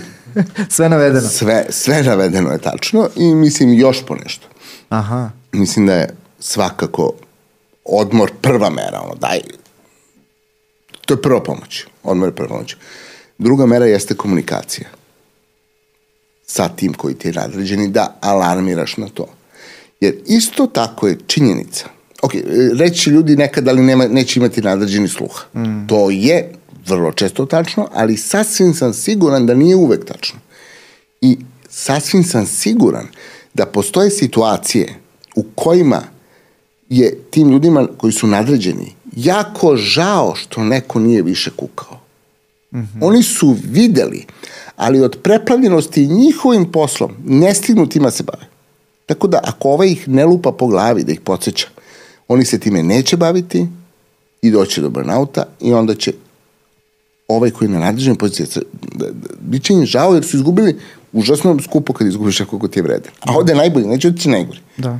Tako da, apsolutno ima, ima smisla alarmirati, alarmirati, A ima to i u nama, čini mi se da, mislim ja govorim u nama kao iz pozicije nekog ko nema nikakvu uh, vodeću poziciju, ali ovaj, uh, u, u smislu da uh, mi sami već imamo neko predubeđenje da uh, naš nadređeni neće shvatiti. E sad, naša se... predubeđenja mogu da idu iz našeg ranog razvoja, istinski, pa mi tu stičemo prvo uverenja, je tako, koje su čak često na preverbalnom nivou. Da li će neko doći kad ja plačem. Mm. Ili će reći nekada nek razvija pluća. Mislim, naravno da de, beba, ali tako to ne artikuliše tako, ali to ostaje kao neka forma implicitnog preverbalnog iskustva. I, to, I sad u svim kasnim fazama i da, naravno da u odnosu na to svi mi razvijemo nekakve strategije i da, naravno da te strategije su nekad funkcionalne, a često, nažalost, nisu. Mm. Tako da, to je sad ono gde, to bi bio rad na sebi. Mm. Tako da se, da promišljaš, ja sam, eto, da napravimo jednu, jednu kratku ekskurziju na tu stranu. Šta kada primetim Pošto smo rekli da tako kada smo pod stresom, mi prelazimo faktički na nekakvu vrstu automatskog reagovanja. Mm -hmm. Jer tako, znači, e, pa i u ovom relacijnom smislu, interpersonalnom, se javljaju, se aktiviraju ti neki rani obrazci. Naprimer, ja ću doživeti nikome ne, ne čuje, a neko drugi će doživeti namerno me ponižava. Iz iste stimulacije. Ok, što ima veze sa nekakvim mojim ili njegovim ili tvojim ranim iskustvima. I u odnosu na to možemo opet imati različite automatske reakcije. Moja reakcija može da bude da budem uvređen i da radim još vrednije. Neče, druga reakcija može da bude da podigne tužbu. Dakle, mm. Mislim, razne su sad naše automatske reakcije. Mislim da je važno da kroz godine, ovo su sad sve, ovo ništa nije quick fix, tako, ovo su sve desetogodišnji ili 50-godišnji lični razvojni planovi. Mislim da je važno da se bavimo time poda šta su naše automatske reakcije u stresnim situacijama. Pričamo o relacionim stresu, znači o stresovima koji idu iz odnosa. Mhm. -huh. Šta su naše automatske reakcije? Koje nam se emocije tu pokreću? U kojim kontekstima i u kojim ranim odnosima smo u stvari to razvili kao takve reakcije? Što smo svesniji koje stare rane čačka otvara sadašnje situacije, to ćemo imati koliki toliki otklon. Neće to ugasiti emociju. Mm. To neće ugasiti emociju, ali će malo probuditi našu svest, na tako neku meta poziciju odnosu na to. E sad, ako procenjujemo da naša automatska reakcija, neka ona bude čuti i trpi, podnostima. Ako procenimo da naša automatska reakcija danas zaista nije u našem najboljem interesu, A ona može biti da, da uletimo u agresijan otvoreni konflikt. Mislim, sve i svašta može biti. Mm. Može biti da preuzimamo odgovornost. Znaš, one ljude koji, ja ne znam, lupam osto nered na stolu, pa jedan uzima i sam sređuje sve mm. za drugi. Mislim, može i to biti automatska reakcija. Sve i svašta može biti automatska reakcija. Da. Ako ja procenim da moja automatska reakcija nije u mom najboljem interesu, onda je korisno da razmišljamo dakle dolazi, gde se me razvio, da osmislim šta bi možda bila bolja reakcija i sad ide najteži deo. Ako ja hoću da promenim automatizam. To je decenijski plan, mm. pri čemu je neophodno da artikulišem alternativnu reakciju unapred, pa da predvidim sledeću situaciju. Da pred, aha, sad bi se u, na sledećem sastanku to moglo desiti, Moja automatska reakcija bi bila, na primjer, da čutim i trpim, ali ja u stvari treba da kažem. A treba da kaže, pa sad te pitam, Roberto, šta misliš da treba da kažem? Pa mi ti mm. pomožeš da to artikulišemo. Mm. I ja se onda saberem i stisnem petlju i jednom u pet puta uspem nešto kažem. Mm. I onda tako i kroz nekoliko godina će to biti ipak bolje. To je neki put kako možemo da menjamo sve automatske reakcije. Gde smo? Samo da vratim. Pričamo o burnoutu. Ja sam zaboravio da smo pa meni treba. Nisam ja. Pričamo o burnoutu i šta Aha. neko može da uradi. Znači, jedna stvar je predah, ako može. Druga stvar je da komunicira. Da razmotri sad na tu temu koje su njegove automatske reakcije inače i zašto one nisu pomogle u prevazilaženju burnouta i da onda proba nekako alternativno da da izgradi neku bolju reakciju. I nekada će biti zaključak ovo nema smisla. Mm -hmm. Što je vrlo legitimno. Ali ovde bih opet vratio na razliku između automatskih i neautomatskih psihičkih procesa. Ako je moj zaključak ovo nema smisla, automatika, on je ne mnogo vredan. Mm. Je, ali ako sam ja promislio i zaključio ovo mesto gde ja radim, nije mesto gde ja želim da budem i ne, nije u liniji sa mojim ciljima, vrednostima, kontekstom, e onda idete kako, mislim, prosto... Promena posla. Pa ne, i to da. je rešenje. I, na, u praksi je najčešći ishod burnouta promena posla. Mm. To se, čini su 95% situacije desi. Onih pet nije mogu da nađe drugi posao. Mislim, da, da, da. To je najčešće, da. ali to su nekakve, nekakve mere. Mm. A kaži mi, kada, evo recimo, radimo sa mnogo ljudi na dnevnom nivou i kada prepoznamo da nam kolega je u burnoutu ili ima neki problem, kako treba da pristupimo u tim situacijama? Jel daješ tako neke savete? Da ne idemo samo sa Jasno. menadžerske pozicije, Jasno, nego evo na nekom ljudskom nivou, ali Mislim se da- radi, pazi, radi se o kolegi. kolegi, znači peer, znači da smo istog Tako nivoa, nisam ja odgovoran za njega, Tako niti je. je on za mene, nego smo tu smo, drugari. Tu smo, da. Pa mislim da je tu jedino što ima smisla sa te pozicije da prosto pitaš kako ti je. Vidim da se promenio ponašanje, kako ti je. Prosto da ne bih trčao sa savetima. Mm. Nikako. mislim, to svi znamo da velika većina saveta koje pošaljemo Ma jeste, to ti znaš jer si psiholog, ali generalno na dnevnom nivou, mislim, savjeti pršte na sve strane, mislim, kako ti kažeš. da, dobro. Ali čak i ti koji, kod kojih savjeti pršte pozvao bih samo da se osvrnu da hvataju evidenciju koliko od tih savjeta je naišlo na nekakav smisleni odgovor. Mm. Mislim da će naići na jedan od sto. da. Znači, to je samo, ako me pita, sad idem ulicom, pita me neka žena, gde je ulica ta i ta. Ja kažem, idete levo, pa desno, pa levo, e, ona je poslušala moj savjet. Mm. Ali u svim drugim okolnostima, mislim da ljudi jako redko, jako redko slušaju savjete.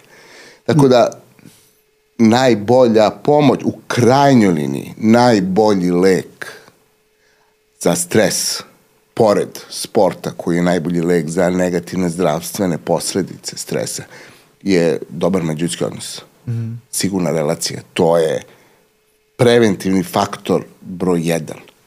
I preventivni i kurativni faktor broj jedan vezan za, mm. vezan za stres. Tako da i u tom kontekstu ako vidim da neko do mene, da mu je loše, a dovoljno smo, u dovoljno smo dobrom odnosu da mislim da je to na mestu, da otvorim tu temu, prosto da ponudim prostor, makar da podelim.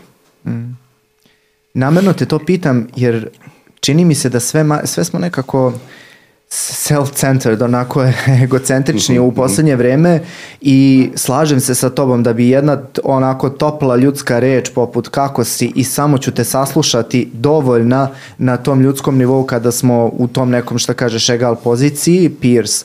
I ovaj čini mi se da toga je sve manje i hoću da ovim vratimo nekako na to da ne moraš da budeš ekspert, ne moraš da, da dođeš kolege i kažeš idi kod psihijatra, ne. Pa i u Recimo- psihoterapiji ključni lekoviti faktori, kao što svi znamo, Da, odnos, odnos, da. da, tako, a ne neka specifična tehnika. Da. Ali meni je isto interesantno, ja sam čitao jedno istraživanje uh, gde u stvari um, ne samo da taj odnos uh, ko, o kome pričaš leči osobu koja je u problemu, nego leči i nas. Mm. Imaš ona priča o oslobađanju oksitocina u slučaju kada se uh, osoba brine o nekoj drugoj osobi, e, između ostalog majka o bebi, e, tata o detetu i tako dalje. Znači, e, ta naša briga o drugima u stvari i na nas utiče Apsolutno, pozitivno. to, ja mislim i, da ima puno istraživanja koje to pokazuju, a u krajnjoj liniji imamo iskustvo. Pa da. To, to je povezanost. Da. Povezanost da si ti nekome bitan, neko je tebi bitan. Pa ima li- nešto što... Ima li lepšeg osjećaja, evo sad da, da prođemo na ovu profesionalnu stranu, ima li lepšeg osjećaja nego kad ti neko srećan i zadovoljan izađe iz, iz ordinacije gde radiš?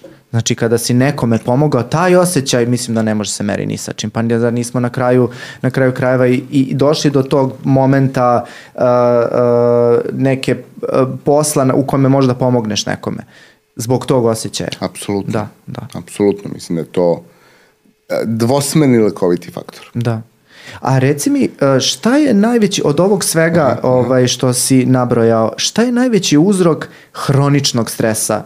Znači imamo, e, stalno povlačiš paralelu između tog akutnog i hroničnog i čini mi se da smo ranije već pomenuli da je akutni stres jeste nešto što je bitno u smislu tog javnog nastupa, što je bitno uvezano za taj menadžerske velike poslove i tako dalje. A šta je najčešći uzrok tih hroničnih stresova, tog malog stresa tinjajućeg koji dovodi do u stvari najvećih posledica? Overload, nemoć i mo, ovo je sad opet potpuno privatno mišljenje, overload, nemoć i percepcija sobstvene pozicije u svetu i univerzumu.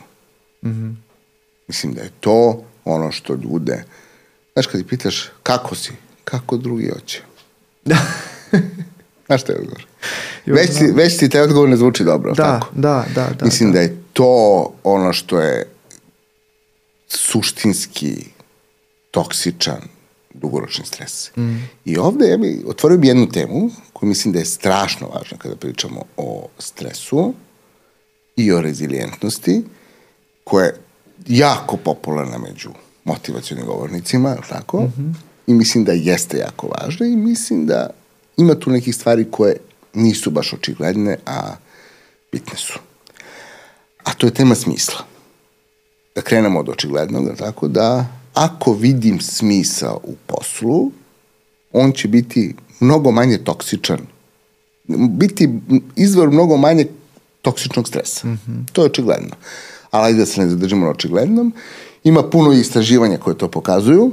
Pa daću jedno, jedno zabavno, da recimo kad daješ studentima da slažu Lego kockice, ne znam je znaš za to studiju. Ne, ne.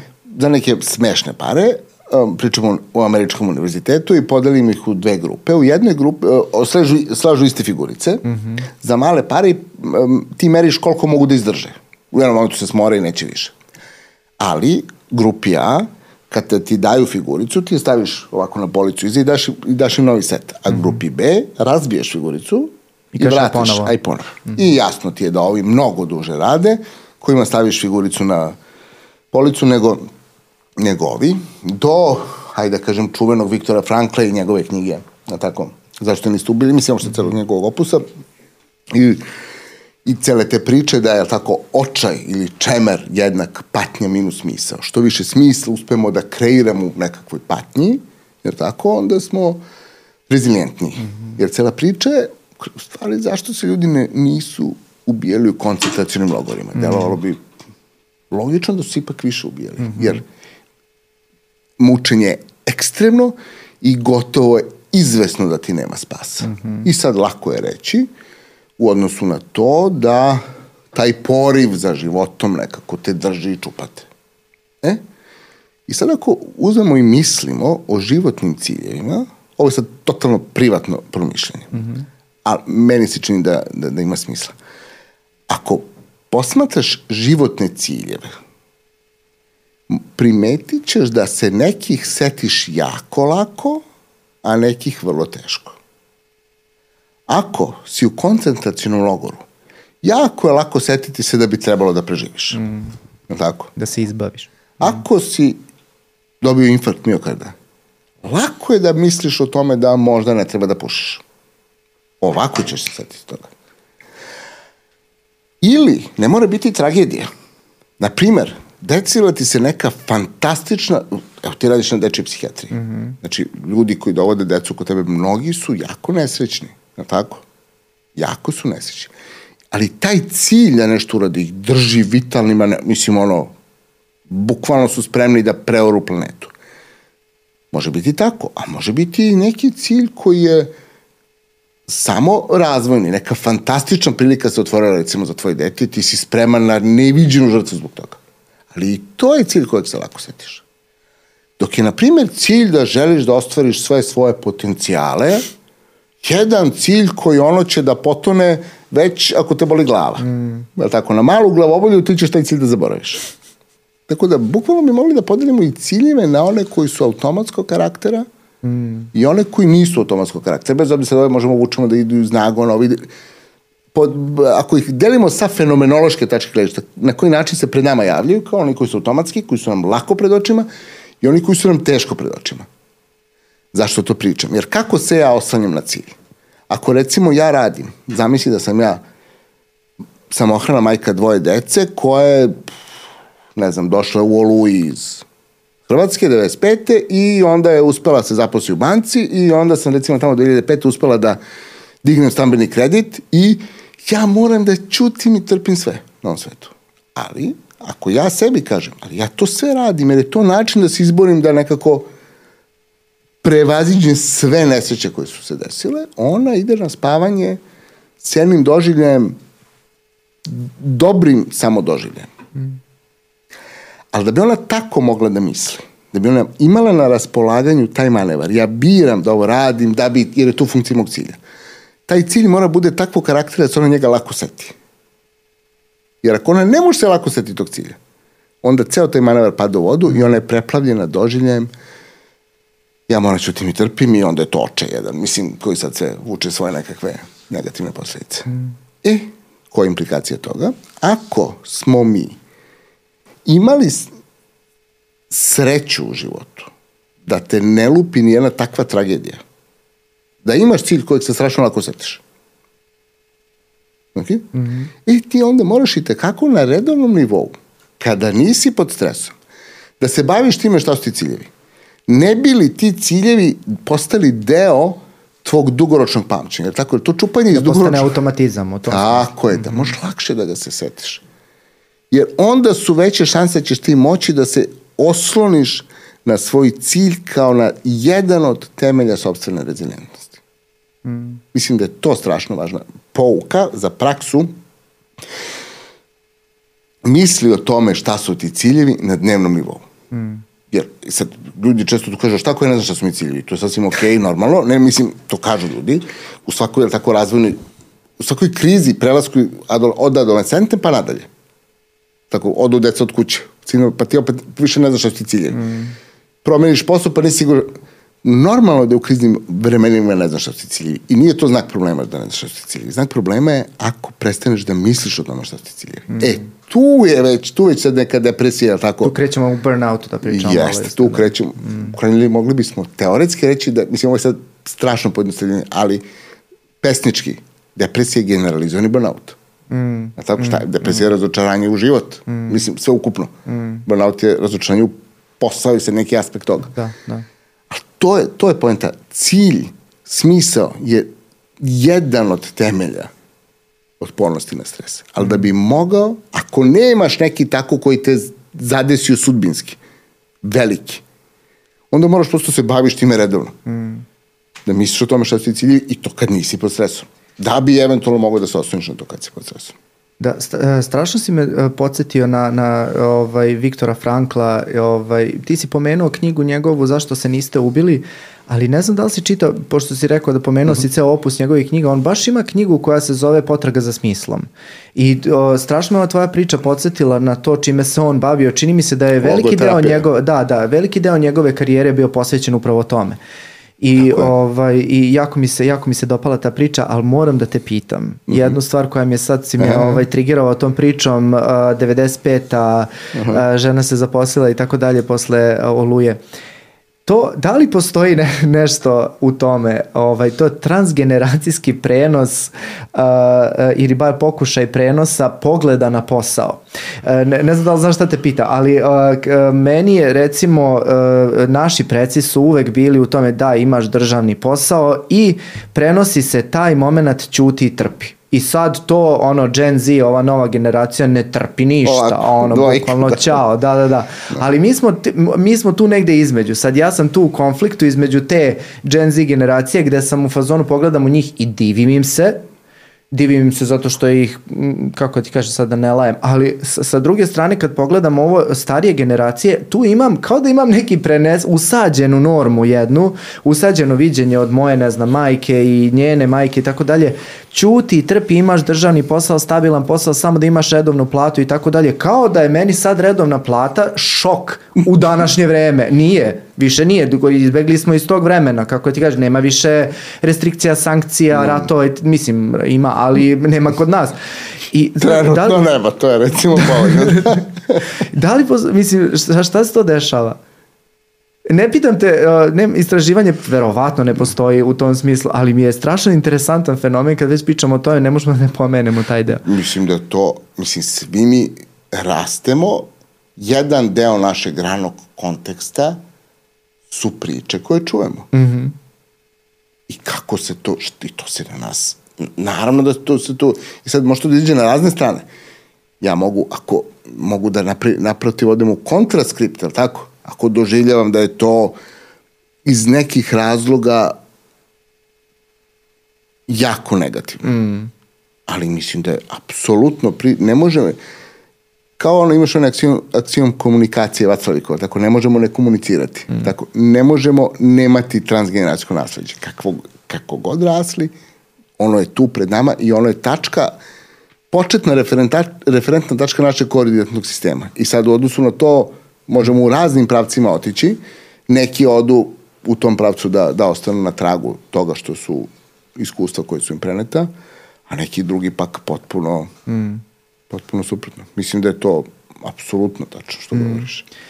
E, a Vlado, znaš šta mi je isto interesantno? Sad, pripremajući se za ovu epizodu, gledao sam par nekih ist, uh, istraživanja i nekih predavanja uh, vezano za uh, temu bullyinga na poslu i uh, vrlo često se provlači termin korporativne psihopate. I baš me to onako, malo mi je delovalo heavy, znaš da onako u početku kada sam krenuo time da se bavim, međutim kad krenuše ono da objašnjavaju sve crte psihopatije, krenu, Sve je tu. krenuše da se naslikavaju, da.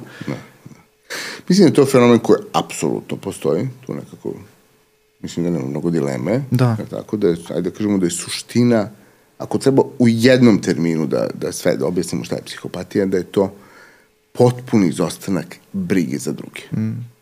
Znači, ta afektivna komponenta empatije ne radi i potpuno zanemirivanje tuđeg interesa i sad uz razne prateće Uz, da.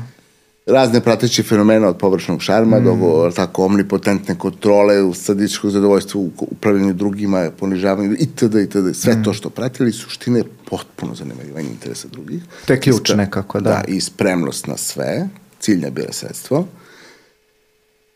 I totalni amoral, i tako da, i tako da. Ali, uh, a opet ako se vratimo na početak naše priče i na kontekst, kad god imaš kompeticiju, I ako je cilj neposredno zadovoljstvo, ono, trenutni profit, onda je psihopatsko ponašanje jedno od najadaptivnijih. Poželjnije. Tako je, tako je. Tako da nije nikakvo čudo da tako kroz tu mrežu proplivaju u stvari oni koji su imaju tu kombinaciju visoke inteligencije koja je protektivni faktor odnosu na to da ne završu u zatvoru. Mm. Tako, visoke inteligencije, jednog amorala i, i, i psihopatske strukture. E sad, ono što je važno napomenuti opet da postoje neke sile koje se tome protive. S jedne strane, nije u interesu ni tog kapitala da njim rukovodi psihopata. Jer on na kraju brine samo o svom interesu. Mm. Mislim, on će vrlo rado slupati brod ako je to u njegovom interesu. Uopšte nema nikakav problem, nikakav problem sa tim. Tako da, ima, to je jedna sila, druga sila je opet ta što mi imamo kao socijalna bića potrebu za vezanošću i za dobrim odnosima. I nekako ceo kontekst se protivi tome. Mm. Da kažem, taj socijalni. Ali, s druge strane, se i plaši. Jer taj, mislim da to svi lako, znaš ono kad uđe u prostoriju svi začute. Mm. mislim, začuti se od straha. Mm. Ja, tako, to je taj nekako, osete to ljudi, osete to ljudi jako dobro. Tako da to jeste jedan problem koji opet nisam siguran da društvo ima rešenje za to, jer to se dešava i u politici, jer tako to me, mm. to vidimo, nije to samo u biznisu. Mm. Čak u biznisu imaš neku silu koja se tome protivi u smislu da to je protivno dugoročnog interesa kapitala, pa to se dešava svuda oko nas i nekako kako je su naše grupe, pričam sad evolutivno, porasle toliko i kako smo toliko vladali raznim oruđima, to postaje opasno na kub. Čini mi se da u, u, u nekim starim vremenima, u malim grupama, koje imaju mnogo veću postojanost, takav bi na kraju bio odbačen od, od grupe. Grupa mm. ipak bira ono koji brine o grupi. Mm. Tako da bi tak, tako ponašanje da je bio taj jedan u maloj i uslovnečeno stabilnoj grupi postoji jedan regulatorni mehanizam protiv toga. A u savremenom kontekstu mislim da je manje regulatornih mehanizama protiv toga i da to je visok rizik da se tako, takve stvari dese. I da prosto kao civilizacija treba da ovladamo alatima kako se nosimo sa tim. Sa tom opasnošću koja Uh, ide uz to. Sad nekako razmišljam dok pričaš i, i postoje, čini mi se kada govorimo o tim menadžerima, šefovima i tako dalje i tim nadležnim ljudima, i kao da imamo dva neka ekstrema. Znači imamo kao korporativnog psihopatu kao jedan uh, ultimativni, uh, onako ultimativni znak uh, strahopoštovanja u bilo kojoj firmi, zajednici i tako dalje koji onako izaziva strah uh, na, svoju pojavu, što ti kažeš svi začute kad uđu i tako dalje, niko ne postavlja pitanje, svi se plaše, tu je obično taj autoritativni stav, ne znam da izgovorim, uh, ovaj, koji dovodi do te atmosfere, ali čini mi se, ne znam, sad ti mi reci, ali čini mi se da tu produktivnosti ne manjka toliko iz tog straha, ali opet rizikujemo mnogo uh, mentalno, na, na, na meti mentalnog zdravlja. A sa druge strane, bar je to... Aha, kaži. Nisam se, tu ne manjka efektivnosti. E, izvini, efikasnosti. Aha. Znači, toga da se radi. To mm -hmm. Ali, Suštinski, da. ne samo suštinski, mislim da se mnogi sistemi islupaju zato što niko ne sme pisni da kaže e, idemo u zid. Mm -hmm. Imaš one čuvene primere kompanija koje su propadale jer niko nije smeo se usprotivi rukovodstvu koje vodi u pogrešnom pravcu. Od ono Nokia, mm. do ne znam Kodaka, Blackberry-a. Imaš puno tih primjera užasno opasno za svaki biznis je jednoumlje. Mm. Da tako, čarobna formula jeste upornost plus fleksibilnost. Ako imaš ekstremnu fleksibilnost, ništa, ako imaš ekstremnu upornost, i to je, mislim, siguran put u propast. Ti moraš imati balans ta dva. Kad imaš psihopatu na, na čelu, sigurno je da nema više. E, prosto niko neće smeti da mu da pravu povratnu informaciju. Mm. To je užasno opasno. Mm. Tako da mislim da je to samo smisle, e, samo efikasno u jako useljenim sistemima da nema dileme. Da treba se bičuje, da se radi brže i da se ništa ne menja, e, to može da bude efikasno. Čim ti imaš promenjiv kontekst, tu je već jako riski, da, jako riski ako imaš autoritarni stil rukovodđenja. Da li u, našoj... u poslovnom smislu direktno rizično. Da li u našoj zemlji misliš da ima više ovakvih o kojima pričamo ili sada nekako se menja situacija? Evo, baš iz tvog iskustva, sad ne znam, naravno nemaš neke ono podatke, ali... Mislim da mi svakako imamo jednu dobru ukorenjenu autoritarnu tradiciju. Evo, zbog toga te pitam. Tako je, zbog toga a da li se menja? mislim da sa dolaskom ovih industrija koje su po svojoj prirodi takve da zahtevaju veći stepen agilnosti i promenjivosti, poput IT industrije koja je nekako mm -hmm. procvetala, mislim da to, po, da to pomaže u, u nekako u izgradnji drugačije kulture. Mm -hmm. Jer je tu priroda posla takva da je autoritarnost direktno štetna. Nije mm -hmm. svuda tako. Jer tako, što je više ustaljen sistem, što se više znaju pravila, to je autoritarnost manje štetna. Mm -hmm. To, to je štetna samo po mentalno zdravlje. A što je drugačija vrsta posla, to je štetno i po, i po direktan posao. To mm. prosto ne radi. Tako da mislim da se u tom kontekstu, a tu i sa razvojem društvo to malo menja, da. Mm -hmm, mm -hmm. Ali na opštem društvenom nivou... E, ali to te isto, mislim, zanima me, uh, šta misliš, da li sad uh, kada bi, s obzirom da kod nas nekako u društvu ukorenjeno što ti kažeš i u političkom smislu i u tom biznis svetu i nekako uh, i u javnom sektoru za zaposlenje i tako dalje. Vrlo često se javljaju te vođe korporativne ovaj, i tako dalje. Uh, I svi znamo da to nije dobro i da to utiče i na mentalno zdravlje i nekako i istraživanje govore u tom smislu. Međutim, kada bi se pojavila potpuno suprotna osoba koja brine o svakom zaposlu, znači ono, poslodavac iz snova, kad bi se pojavio i preuzeo odmah nakon ovoga, da li naš narod nekako čini mi se da nije spreman uh, sad nakon godine i godine to ugnjetavanja da neko se brine. tako? Naravno, to mora ide polako, da, da, da. I čini mi se da, da bi trebalo onako imamo taj da je dobro što imamo taj slow transition, sad da imam po, polako preba. Apsolutno. Da. da. Mislim da tu nema naglih rešenja, zato što u... ne znam kako bih to artikulisao tačno, ali a, ako imaš populaciju koja je navikla na visok stepen opasnosti, očekivano je ta populacija i emituje visok stepen agresivnosti. Mm -hmm. Ako odjednom nastupiš kao da pretnje i opasnosti ne postoje, mislim da ćeš se samo slupati. Da će samo nastati neka šteta i će se vratiti na staro. To, to, to. Tako da mislim da te stvari moraju polako da idu. Mm -hmm. Ne znam, da, dao, dao sam na jednom abstraktnom nivou, ne, ne znam kako bi to konkretizovao. Ajde ovako, mislim da recimo da kao da svi u, zgradi dajemo po, ne znam, lupam, 1000 dinara mesečno za održavanje zgrade, mm -hmm. ali u, u kartonsku kutiju. Jednom ako je ne da.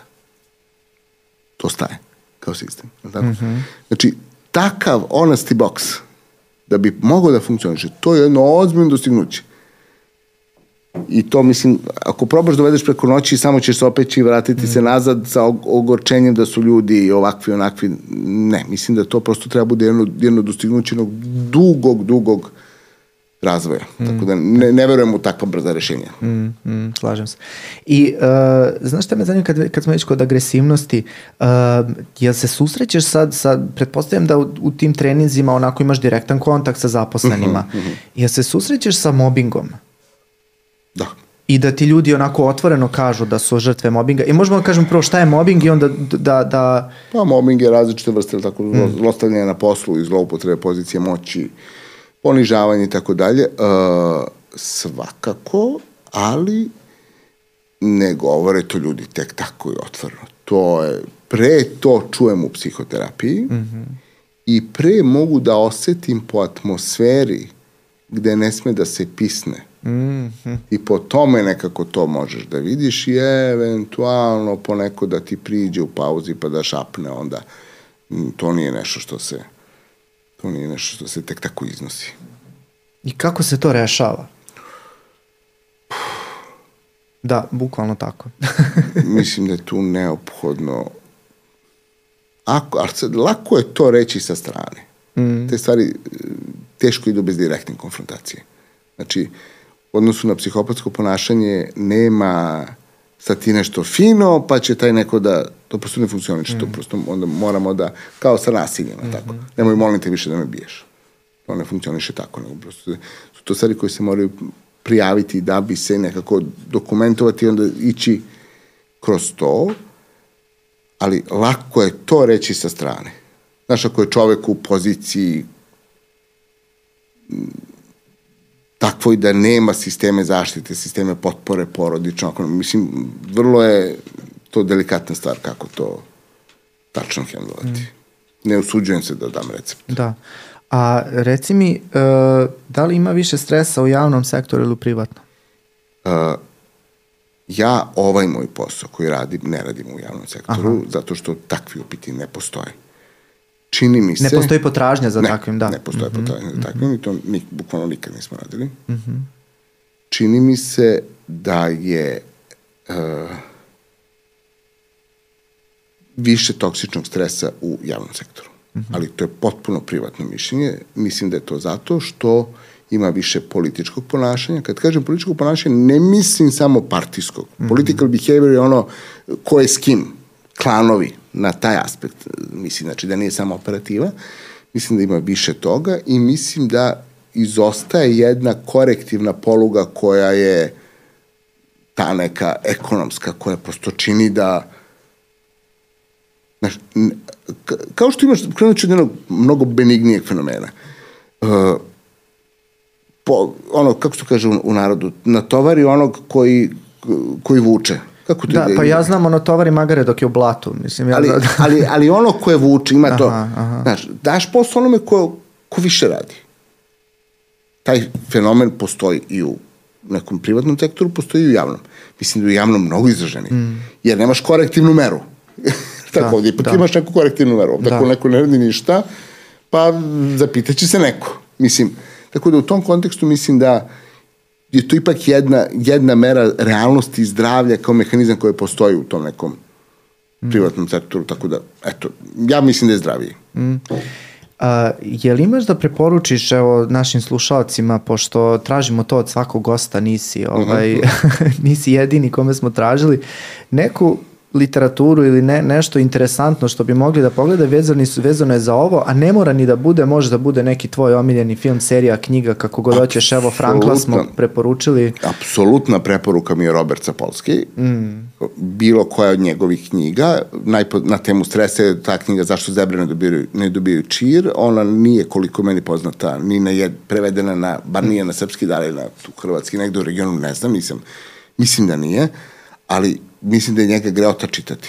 Mm. Treba ga slušati. Treba ga, treba. Apsolutno. Ali e, srećom sada imamo na YouTube-u sva njegova predavanja, Absolut. samo nego ukucaju ljudi Robert Sapolski i dobit će. Tako je, da. eto recimo njega bih preporučio. Ima sad ovih no, novih, recimo, puno ova Kelly McGonagall koja priča kao kako ona uči, je fenomenalna, da, da. Učiniti stres svojim prijateljima, ona, ona njen TED Talk isto, recimo, mm -hmm. zanimljiv ima ta priča o stres mindsetu, da ako uspeš da se setuješ da ti je stres, to da, da promeni kognitivno, restruktu, kognitivno restrukturiranje mm -hmm. u tom smislu.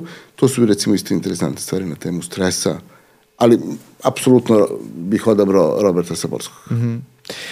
Hvala ti Vlado puno što si bio danas sa nama uh, i nadam se da ćeš opet doći da pričamo na neke druge teme. Mnogo mi je drago da si bio. Hvala puno što si me zvao, veliko mi je bilo i zadovoljstvo, stvarno i čast da sam, da sam ovdje i naravno da ću Sad ću doći za sledeći put. Super, hvala. hvala ti puno. Uh, ovo su bila dva i po psihijatra. Ako ste došli do kraja videa, red je da se subscribe-ujete, lajkujete video, ostavite komentar. Šta god vas interesuje od daljih tema ili ako imate neke komentare na današnji video, uh, ostavite, čitamo ih, vodimo računa o tome da kontent ovaj naš koji proizvodimo nekako uh, uparimo sa tim šta su vaše želje. Uh, sledeća epizoda sledeće nedelje. Vidimo se. Ćao.